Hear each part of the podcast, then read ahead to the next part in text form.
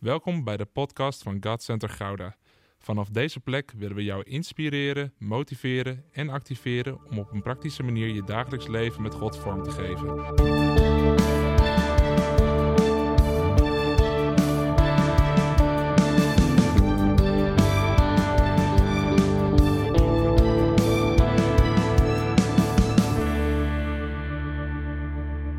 Oké, ehm, vanochtend tijdens de voorbeden was er eh, iemand en die, die bad. Ik, ik geloof echt dat God een sleutel gaat geven.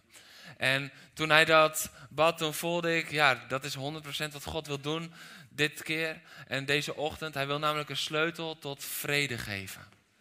Hij wil een sleutel geven om in vrede te kunnen leven vanuit God. En hij wil daarin ook een aantal dingen, geloof ik, uh, aanstippen die de vrede zo tegenhoudt. Die onrust zo tegenhoudt. En ik vond het zo, zo, ja, zo typerend. Ik wist dat ik het ging hebben over de God van vrede. En deze week was gewoon een soort stormweek in ons leven. En ook in het leiderschap veel, veel stormen. Dat ik dacht van, oh heer, heerlijk. Want we gaan zien de God van vrede vanochtend. En hij gaat geen vrede geven, maar hij gaat zichzelf openbaren als de God van vrede. Want dit is vaak hoe we hem zoeken. Oh Heer, geef me vrede.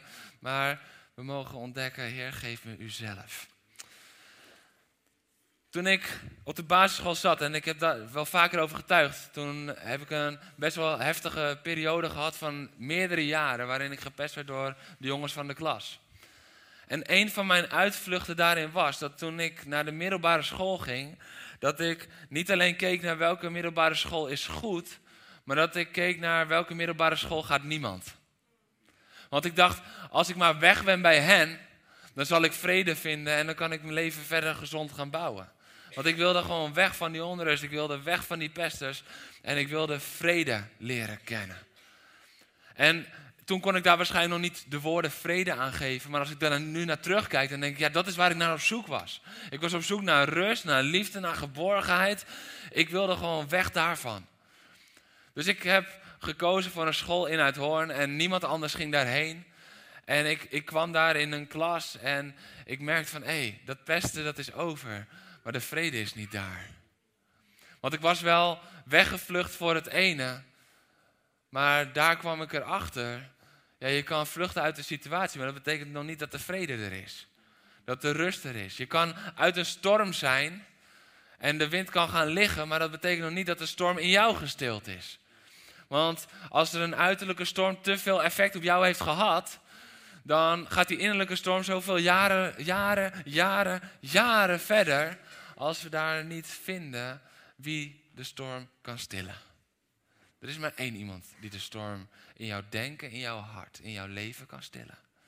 En dat is de God die vrede is. Ik dacht, ik ben er vanaf. Ik ben van die pesters af, maar die pesters die zaten nog steeds in mijn hoofd. En toen ik later op mijn twaalfde op een tienerweekend Jezus leerde kennen, toen begon pas het proces van genezing en heling. Daar ontdekte ik van, oh, maar ik ben geliefd en ik ben uniek gemaakt en ik mag er zijn. En daar begon de eerste heling.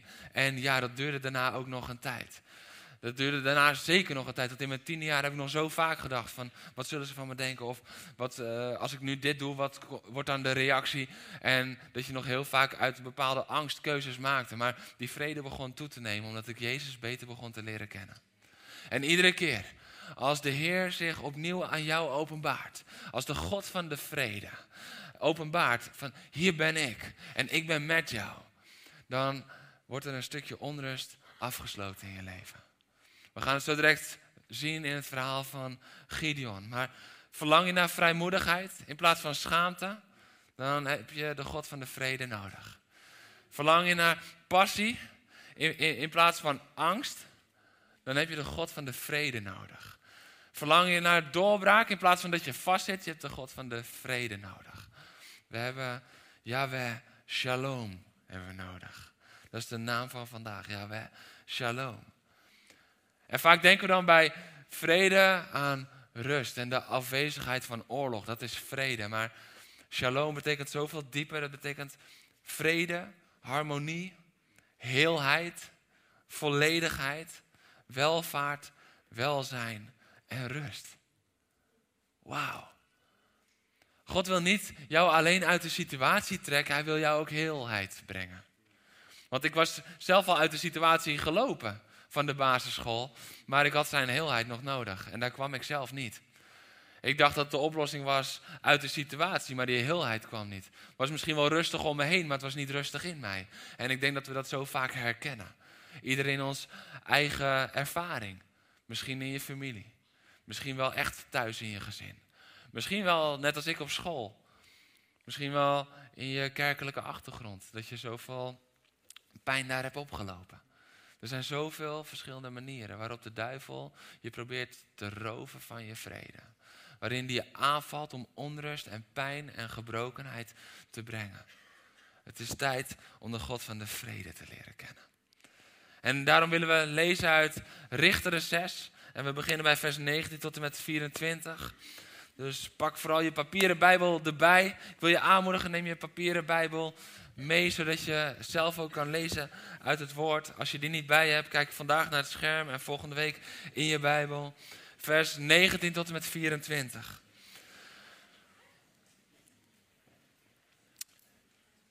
En we komen zo direct, maken we nog een stapje terug in het verhaal. We gaan het niet helemaal chronologisch door, maar hier heeft Gideon de ontmoeting met de engel van de Heer. Er staat ook de engel van de Heer. Dus dat wijst ook naar Jezus. En Gideon gaat dan snel naar huis, want hij wil dat de engel bij hem blijft. En maakt een geitenbokje voor hem klaar en bakt een ongedezen brood van een Eva tarwebloem. Hij legde het vlees in een mand en goot het kookvocht in een kom. Bracht het naar degene die onder de terebint zat te wachten en bood het hem aan. De engel van God zei tegen hem: Leg het vlees en de broden hier op dit rotsblok. Giet het kookvocht erover uit. Hé, hey, dit doet ons denken aan Elia. Maak het offer nat en dan kan het vuur van de Heer komen. Gideon deed wat hem gevraagd was en toen raakte de engel van de Heer met zijn uiteinde van zijn staf het voedsel aan. En meteen laaide een vuur uit het rotsblok op, dat het vlees en de broden verteerde. Tegelijk was ook de engel van de Heer verdwenen. En toen begreep Gideon dat het een engel van de Heer was geweest.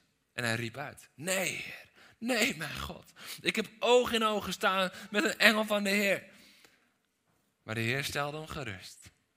Je hoeft niet bang te zijn. Je zult niet sterven. En als antwoord daarop, Gideon bouwde een altaar op die plek voor de Heer. En hij noemde het, de Heer geeft rust, staat er in de NBV. Ten diepste staat daar, de Heer is vrede in de grondtekst. Tot op de dag van vandaag staat het altaar op het land van de afstammelingen van de Abezier eh, in Ofra. Je mag gaan zitten. Je ziet hier Even een klein beetje achtergrondinformatie, maar ik dacht we beginnen gewoon hier.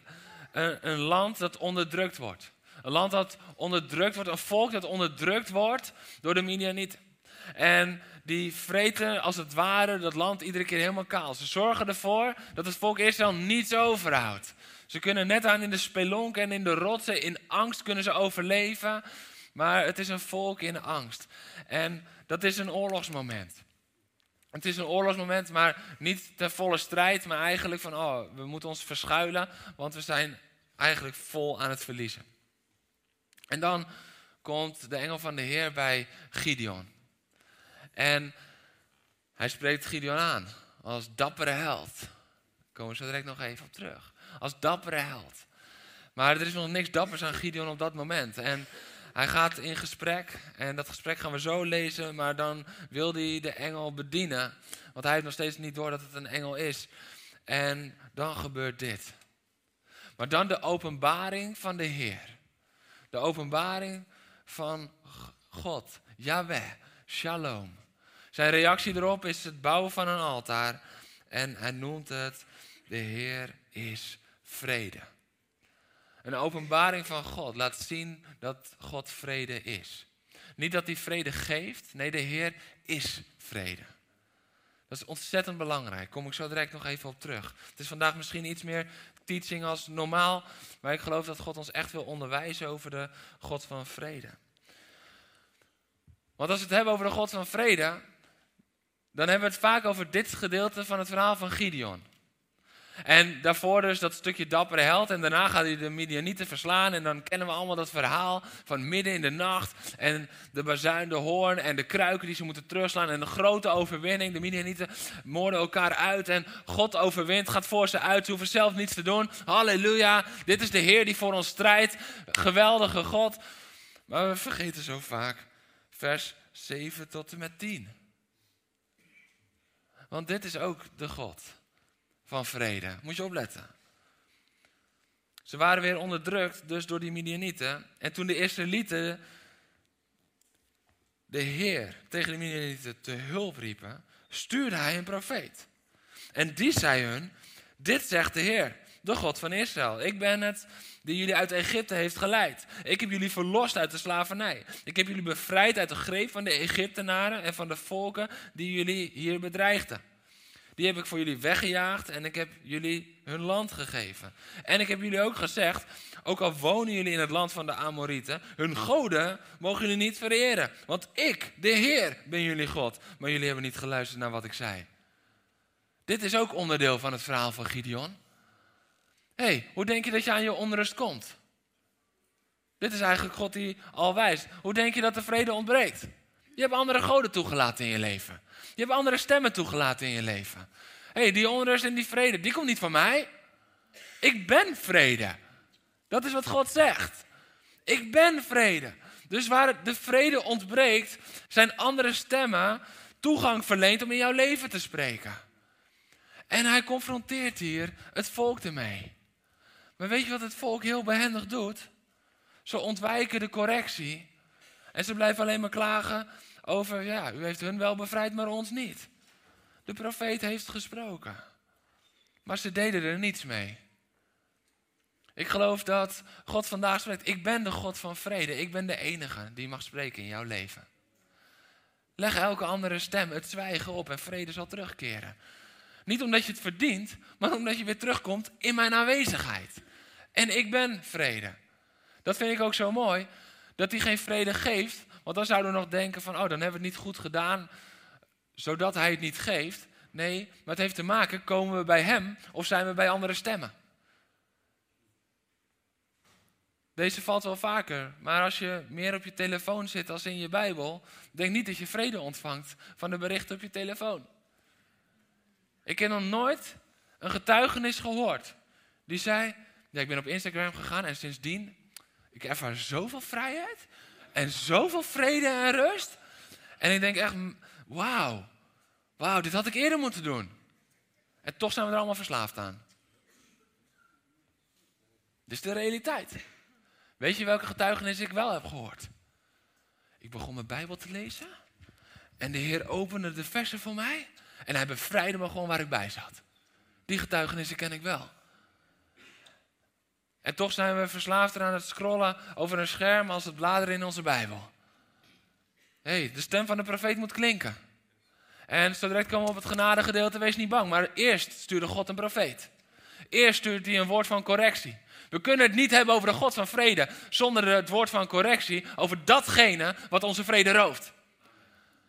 Want we kunnen wel zeggen, ja, maar de Heer is vrede en de goede herder, hij komt wel naar ons toe. Ja, maar hij stuurt eerst die profeet.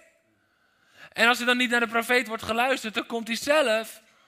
En dat is liefde en genade. Maar zullen we iets meer luisteren naar de woorden van de profeten van de Heer? Die daarvoor al komen. En zeggen dat Hij de God is die ons heeft bevrijd. Dat Hij de God is die andere volken heeft weggejaagd. Maar we zijn andere goden gaan aanbidden. De goden van deze tijd.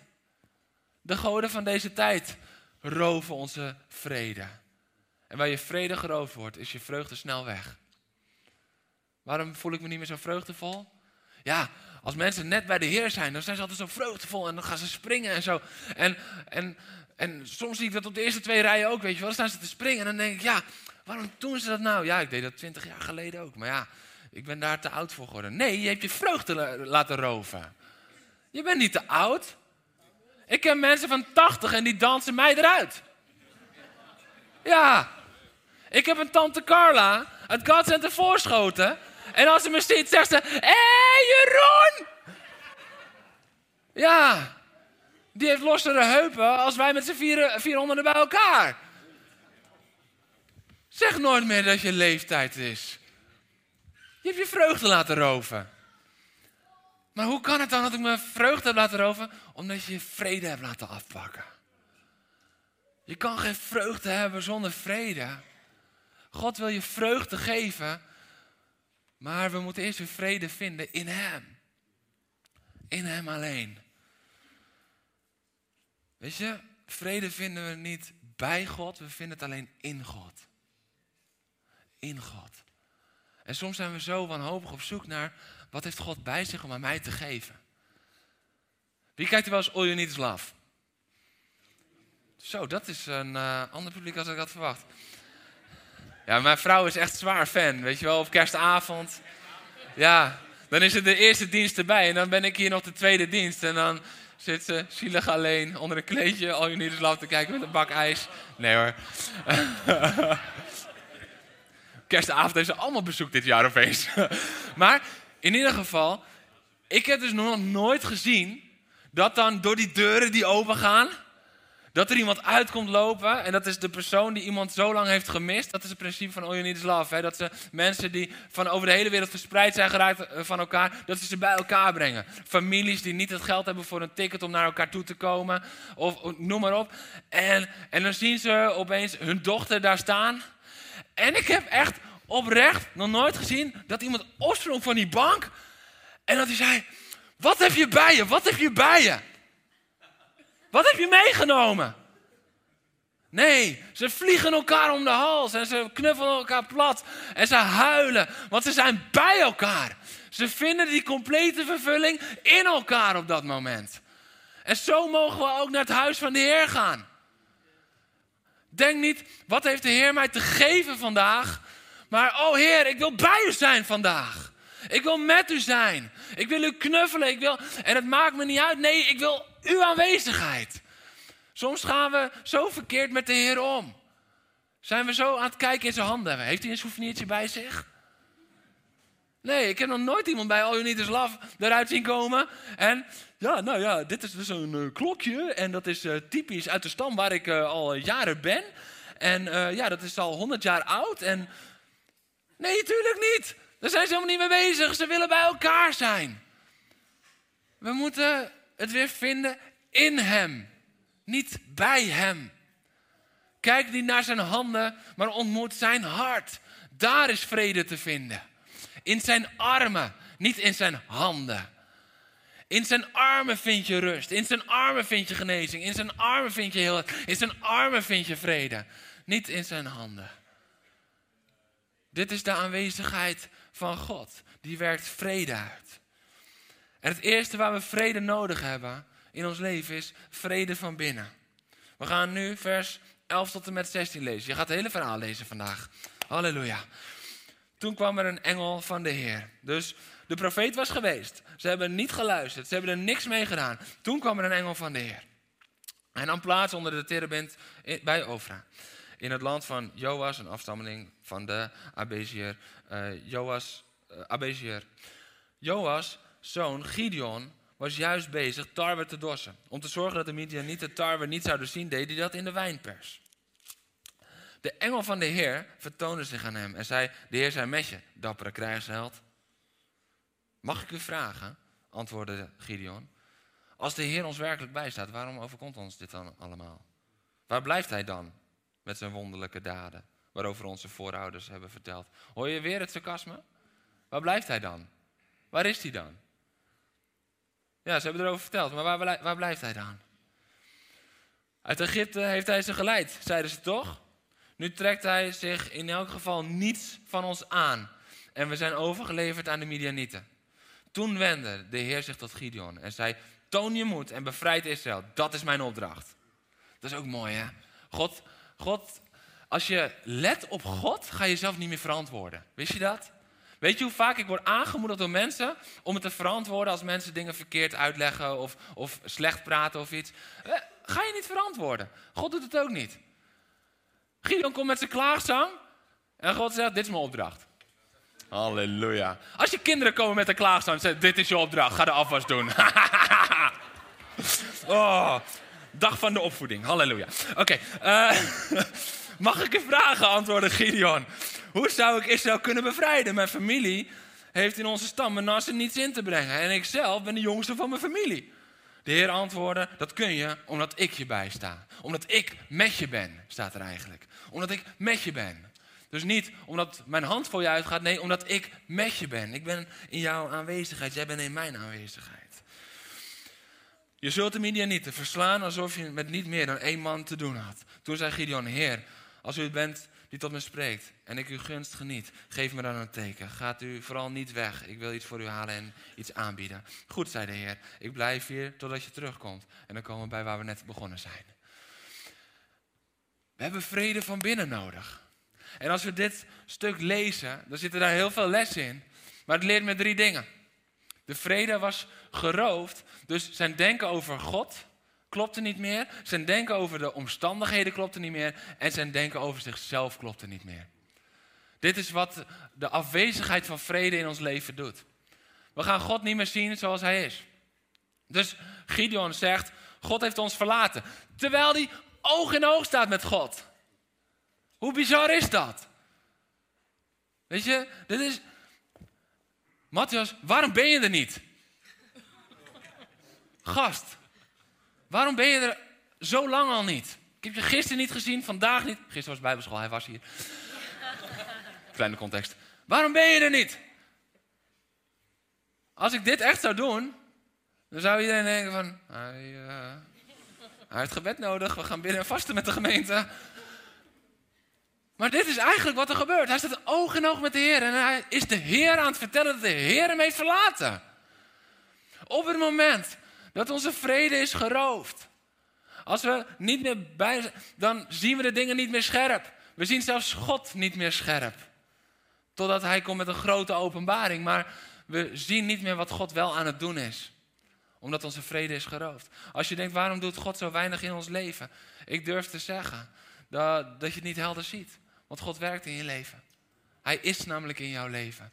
Hij heeft zich gecommit aan zijn kerk en de kerk ben jij. Hij heeft zich gecommit aan zijn kinderen. Jij bent zijn kind. Dus Gideon moest vrede vinden in zijn denken van binnen over God. Want het klopte niet meer. Het is ook bizar hè, hoe kieskeurig we gaan worden dan. Want we pakken wel eruit wat die profeet heeft gezegd, alleen niet hetgene wat naar ons wijst. Is die opgevallen? Want de profeet heeft het over, hij heeft jullie bevrijd uit, Egypte, de Egyptenaren voor jullie verslagen, andere volken. En Gideon komt van, ja, en we hebben wel de wonderlijke daden van Egypte. Maar het gedeelte dat de profeet zei, maar jullie zijn andere goden gaan aanbidden, dat laat Gideon even weg. Want dat is het spiegelgedeelte. En hoe vaak klagen we God niet aan en houden we de spiegel ver weg? Ja, Heer, u had toch beloofd dat? Weg bij de spiegel. Dit is wat er gebeurt als onze vrede geroofd is. We zien niet meer helder. We denken niet meer helder. Hij denkt niet meer helder over de omstandigheden. Want het land is hun gegeven. Het is in hun bezit. Maar ze laten de, de Midianieten erover heersen. Terwijl God heeft gezegd, ik heb het jullie gegeven. Bij de mond van de profeet herhaalt hij het nog een keer. Dus dan, ik heb het jullie gegeven, maar ze laten de Midianieten toe. Dus ze zien de omstandigheden niet meer helder. Ze trekken niet te strijden met de Heer. En ze leggen het niet in de handen van de Heer. Maar wat doen ze? Ze gaan zich verschuilen in spelonken. Angst. Dus ze kijken niet meer helder naar de omstandigheden. En hij kijkt niet meer hij heeft geen vrede meer in zijn denken over zichzelf. Want als God zegt, jou ga ik gebruiken, dit is je opdracht. Echt, we komen in deze serie zo vaak bij die cruciale zinnen. Dit is gewoon je opdracht. God komt dan, dit is je opdracht. En wat zegt hij? Ja, maar um, mijn familie is de minste in de stam. En de stam Manasseh is ook niet de, de, de meest vooraanstaande stam trouwens. En dan ben ik ook nog eens de jongste van de familie. Dus heer, Eigenlijk, als ik het even zo analyseer, heeft u gewoon de verkeerde. Ja, ja, is lastig. Maar um, beter iemand anders. Gideon doet een klein Mozes momentje. Ja, stuur maar iemand anders. En Gideon laat zien hoe menselijk die is. Want hoe vaak denken wij ook niet zo over onszelf. Waar de vrede van God niet heerst, gaan we verkeerd denken over onszelf. Heb je een gebroken zelfbeeld? Denk jij te min over jezelf? De vrede van God is nog niet aanwezig. In die mate, ik zeg niet helemaal niet, hè, maar in die mate. Je hebt een nieuwe openbaring nodig van de God van vrede. Die aan jou laat zien hoe die jou heeft gemaakt. Dat hij met jou is. Ieder moment. Het is zo ontzettend belangrijk. En hij wil herstel brengen vandaag hierin. Geloof zo direct gaan we een moment van aanbidding hebben en dan zal de God van vrede. Als je ervoor open staat, als je hem echt wil ontmoeten. Als je niet gaat smeken en vragen om vrede, maar als je gaat uitstrekken naar zijn aanwezigheid, naar die ontmoeting. Dan gaat hij vrede geven, want Gods geest is hier. Hij is hier. Soms beseffen we te weinig dat hij nu hier aanwezig is. En hij komt niet opdagen zo direct bij een oproep. Hij is hier nu. Hij is hier nu. Hij is aanwezig. Hij is hier voor jou.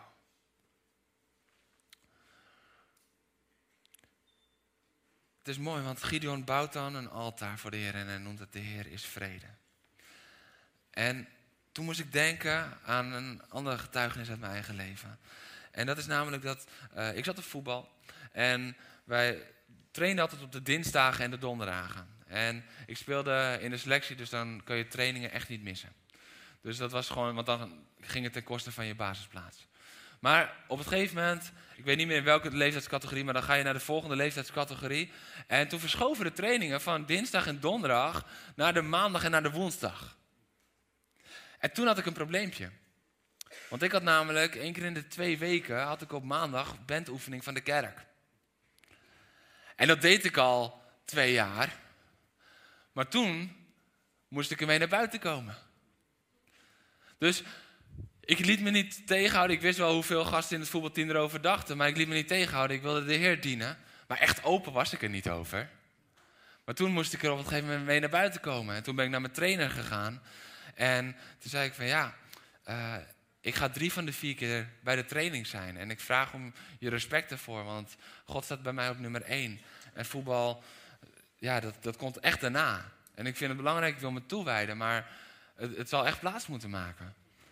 En toen heeft hij heel begripvol gereageerd en ik was mijn basisplaats niet kwijt. Maar de jongens hoorden dat natuurlijk ook. Dus uh, toen was ik het koorknaapje.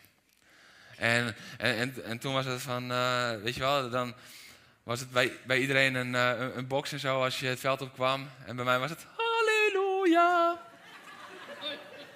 Dankjewel man. Je maakt het makkelijk om te evangeliseren vandaag. en weet je, er werd wat schamper gedaan en, en noem maar op. Het, het, mooie is, we hadden echt een tof team, dus het was ook gewoon een beetje, het, het mocht er ook gewoon zijn, weet je wel. Op een gegeven moment, na een half jaar, zei ik van, hé, hey, gasten, jullie hebben het er zo vaak over, beter zijn jullie een keer bij de dienst. en toen zijn ze ook meegegaan. Dus dat was tof. Maar, maar ik deed het al, maar in het verborgene. Dus ik had al ergens de God van vrede daarin uh, leren kennen. Van hé, hey, u wil gaat boven die van mij en, en u gaat boven mijn plannen. Maar nog wel in het donker. En dan kan je zeggen van ja, maar dan was je nog bang, want je had het niet verteld. En je kon het ook al vertellen toen je nog op dinsdag en donderdag.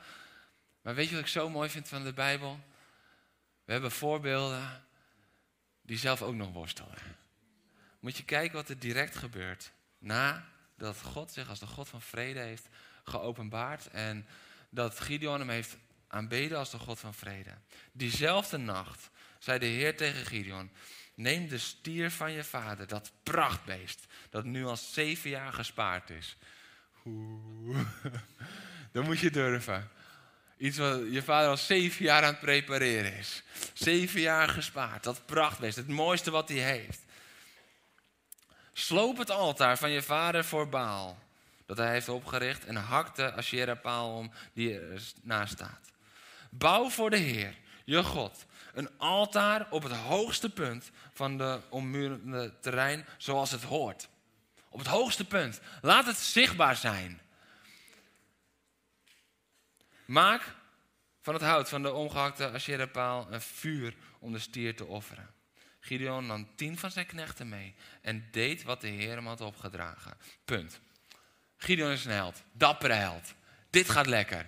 Goed bezig, Gideon. Oh nee, wacht, vers 11. Uh, 11, nee, helemaal niet, vers 27b. Um, uit, ik weet ook niet hoe ik uit bij 11 kwam, maar uit vrees voor zijn familie en stadsgenoten durfde hij het niet overdag te doen. Daarom deed hij het s'nachts. Dappere held. Gideon. De volgende ochtend zagen de inwoners van de stad dat het altaar van Baal was afgebroken en dat de Asherah-paal ernaast was omgehakt. Ze zagen ook dat de stier was geofferd en wel op een nieuw altaar. Ze vroegen zich af wie dat gedaan kon hebben en na enig onderzoek kwamen ze erachter dat Gideon, de zoon van Joas, de schuldige was. Weet je wat ik zo mooi vind? De God van vrede betekent niet dat je nooit meer angst zou kennen. Maar de God van vrede, als je Hem ontmoet, betekent het dat de angst die je hebt, je niet langer tegenhoudt om te doen wat God van je vraagt. En Gideon begint gewoon in het donker. Zoals ik ook begon eigenlijk in het donker met meezingen in de kerkband. Ik deed het in het donker, ze wisten er niet van, maar ik deed het wel al. En op een gegeven moment was het tijd voor de ochtend, voor de morgen en toen werd het openbaar. Toen werd het openbaar. Toen werd duidelijk van, hé, hey, Gideon heeft dit gedaan. Er staat nu een altaar voor de Heer op het allerhoogste punt. Zoals mijn getuigenis toen ook was, op het hoogste punt. Want ik koos niet om te voetballen, nee, op het hoogste punt, daar komt mijn aanbidding van God. En daarnaast mag voetbal dan een rol spelen, maar hé, hey, als het moet plaatsmaken, moet het plaatsmaken. Dat is de realiteit van mijn leven. En dat is wat er hier ook gebeurt. Ik vind het zo mooi dat vrede dan niet betekent: oké, vanaf nu is alles comfort. En vanaf nu is alles makkelijk, geruisloos en ontspannen in ons leven. Nee, het betekent dat de interne rust die we in God krijgen groter is dan de externe aanval. Dit is de vrede van de Heer. Shalom. En het bracht heelheid bij Gideon, bij het volk. Het bracht daarin ook weer een stuk welvaart bij Gideon en het volk, want ze werden kaal gevreten en het werd hersteld. En de opbrengst van het land dat eigenlijk al van hun was, kwam hun weer toe. Wij strekken ons zo vaak uit naar van, oh, welvaart en noem maar op. Maar Gods welvaart is dat in jouw leven hersteld wordt. Wat je hebt laten roven door de wereld. Dan ben je echt vol welvaart, wist je dat? Als je je huwelijk hebt laten roven. En, en je zit nu op twee eilanden in één huis. Als God dat herstelt, dat is welvaart. Hey, als, als je misschien wel je, je vertrouwen in de medemens, als dat is geroofd door de dingen die zijn gebeurd in je leven en de God van vrede komt erin en je kan weer relaties bouwen, dat is Gods welvaart. Dat als er iets heftigs gebeurt, dat je niet verbitterd raakt zoals de vorige keren, maar dat je daarin troost en heelheid vindt in Hem, dat is Gods welvaart. Dat is shalom.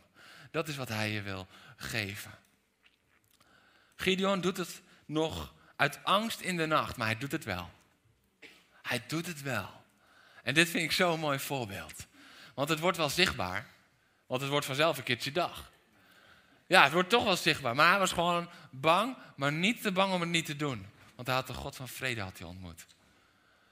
En dat is zo krachtig. Misschien zeg je van, oh ja, als ik de God van vrede, dan moet ik nu echt in mijn familie. Nou, ga eerst eens in de nacht bidden.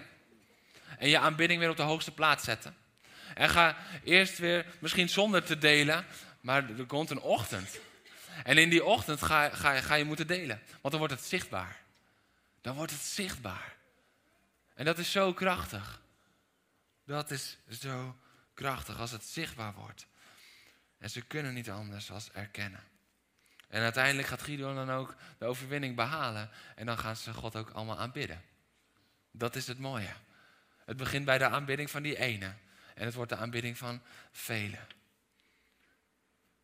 Alles wat hij in de nacht deed, werd zichtbaar in de morgen. En dit is ook krachtig, want dit zeggen we vaak als het gaat over zonde. Alles wat je in het donker doet, dat wordt in het licht geopenbaard. Nou, dat is 100% waar. Maar ook alles wat je in het verborgene doet voor de Heer, gaat uiteindelijk zichtbaar worden. Alles wat je in het verborgene doet voor de Heer, het gaat zichtbaar worden. En zoals we heel veel gaan zien in deze serie. Die naam van God, Shalom.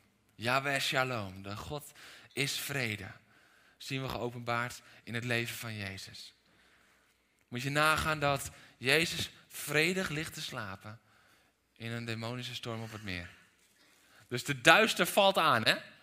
Duisternis valt aan. Je hebt de verschillende stormen. Dit was een demonische storm, want hij bestraft de storm en het moet zwijgen. Dat duidt op de demonische storm. En het gaat te keren en iedereen is paniek. Maar Jezus ligt te slapen. Hij ligt rustig te slapen. Hij is vredig. Hij is vredig. Want hij weet, die storm kan me imponeren, maar kan niks met me doen. Hij had de vrede van God. Waarom? Omdat hij continu in relatie met de Vader leefde. Vrede is niet de afwezigheid van onrust of problemen, het is de aanwezigheid van Jezus. Dat is vrede. Als je zoekt naar vrede in je leven, zoek zijn aanwezigheid. Ga niet langer vluchten voor de situatie. Weet je, het beste wat de discipelen hadden kunnen doen, is naast Jezus gaan liggen. Gewoon naast hem gaan liggen. Want dan hadden ze zijn rustige hartslag gevoeld. Oh, als Jezus niet in paniek is, dan hoef ik het ook niet te zijn. Als Jezus in de rust is, dan mag ik ook rust vinden. Nu maakt ze hem wakker en gaat hij op de boot staan en bestraft hij de wind en gelijk is het rustig. Maar er was al vrede in de boot voordat de storm ging liggen. Want vrede was al in de boot. Misschien niet buiten de boot, daarom moet je in de boot zijn. Ja, er was al vrede in de boot, want Jezus was in de boot. Ze herkenden alleen de vrede niet. Soms kan je met hem leven zonder hem te herkennen in een facet hoe Jezus is. En diezelfde Yahweh Shalom, die ontdekken we dan in Jezus. Want hij zegt dezelfde woorden, ik ben, als God zich openbaarde, ik ben. Hij bracht vrede met zijn bloed aan het kruis. Staat in Colossense 1 vers 20. Hij bracht vrede. Dus hij gaf zichzelf en bracht daarmee vrede. Hij gaf geen vrede door een teaching, door een handoplegging. Nee, maar door te sterven aan het kruis. Door zichzelf te geven, gaf hij vrede. Dus als we bij hem komen, vinden we vrede. Efeze 2, vers 14 zegt, Jezus is onze vrede. En in Romeinen 5, vers 1 en 2 staat dan, en nu hebben we door zijn werk vrede met God. Dus vrede aan alle kanten. We hebben interne vrede gekregen. Jezus is onze vrede. Maar we hebben nu ook vrede met God. Soms kunnen we daar nog zo aan twijfelen. Denken we van, oh Heer, wat zult u nu wel niet denken over mij? Je hebt vrede met Hem. En dat is geen vrijbrief om, om, alleen maar slechte dingen te doen in je leven. Want als je ontdekt dat Hij vrede is en je wil bij Hem zijn, dan verlang je naast die vrede om in die vrede en vreugde te blijven. En weet je, dan moet ik bij U blijven. En dan verlangen we naar een heilig leven. Zoals we hebben uitgezongen met elkaar, heilig, heilig, heilig bent u weer. We kunnen niet de God van vrede aanbidden en de heilige God daar laten. Want hij is alles in één. God is niet in de hokjes van zijn namen. Nee, God is. God is. En daarin al die facetten. Maar uiteindelijk zegt hij, ik ben. Zo openbaart hij zich. Ten diepste. Dat is de naam. En daarbij zijn vele namen gekomen. Maar zoals Jezus ook eindigde. Na zeven keer, ik ben, ik ben, ik ben. Met iets erachteraan. De goede herder, ik ben de deur. Noem maar op. Eindigt hij met, ik ben. En daar gaat hij aan het kruis. Ik ben. Daar heeft hij alles voor jou betaald. Ik ben.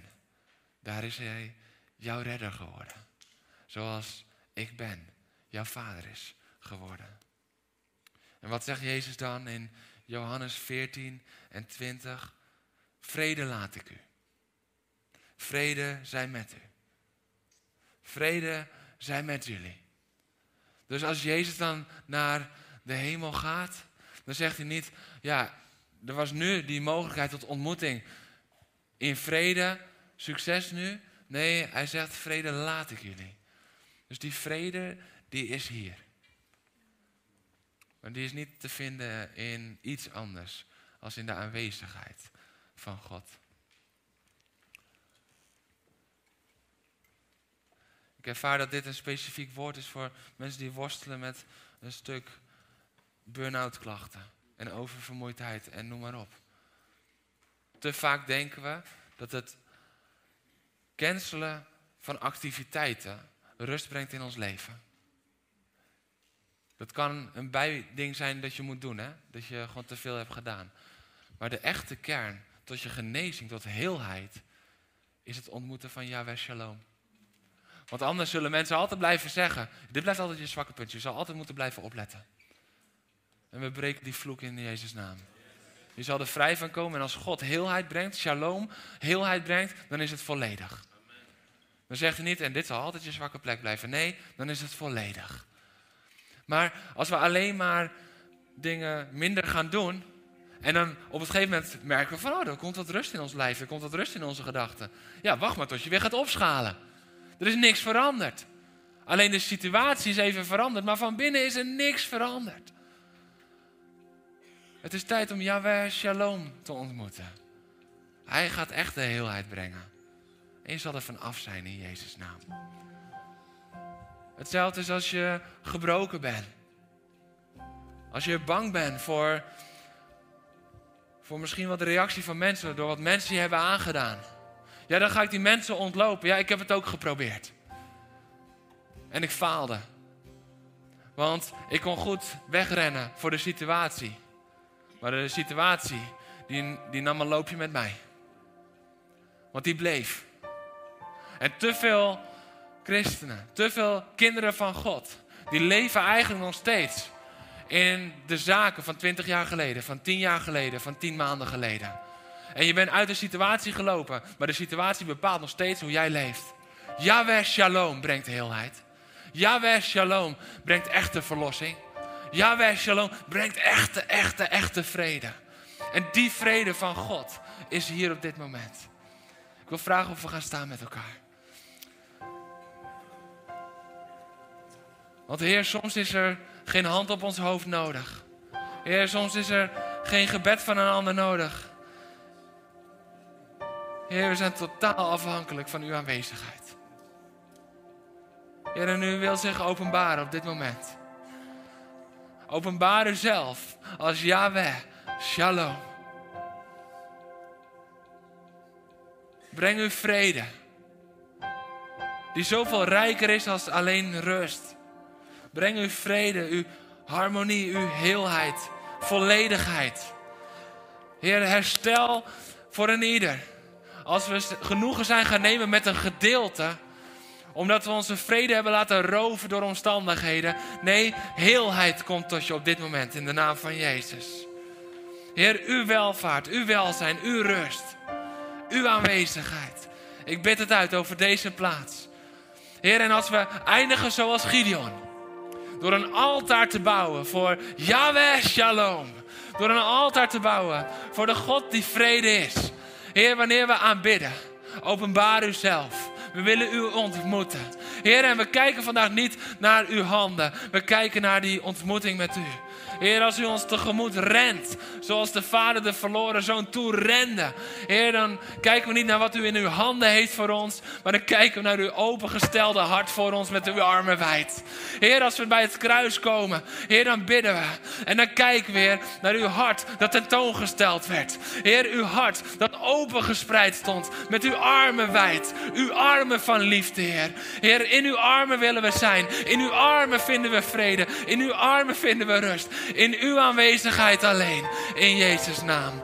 Amen.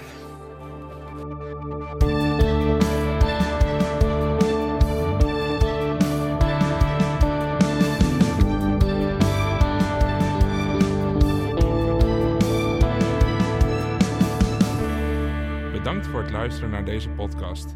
Volg ons op onze kanalen om verbonden te blijven. Heeft deze aflevering jou geraakt? Deel dan op je socials en tag ons, zodat we samen meer mensen kunnen bereiken.